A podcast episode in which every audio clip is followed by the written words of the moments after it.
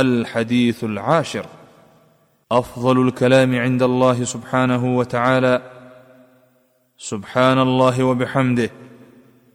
سبحان الله وبحمده د الله تعالى فنزبان دي غور كلمات دي عن أبي ذر رضي الله عنه أن رسول الله صلى الله عليه وسلم سئل أي الكلام أفضل؟ قال ما اصطفى الله لملائكته أو لعباده. سبحان الله وبحمده.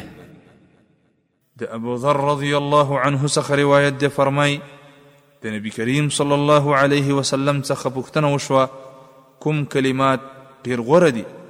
نبی کریم صلی الله علیه وسلم أو فرمایل هغه کلمات غوره دي کوم چې الله تعالی د خپل ملائکو أو بندگانو لپاره غوره کړی دي.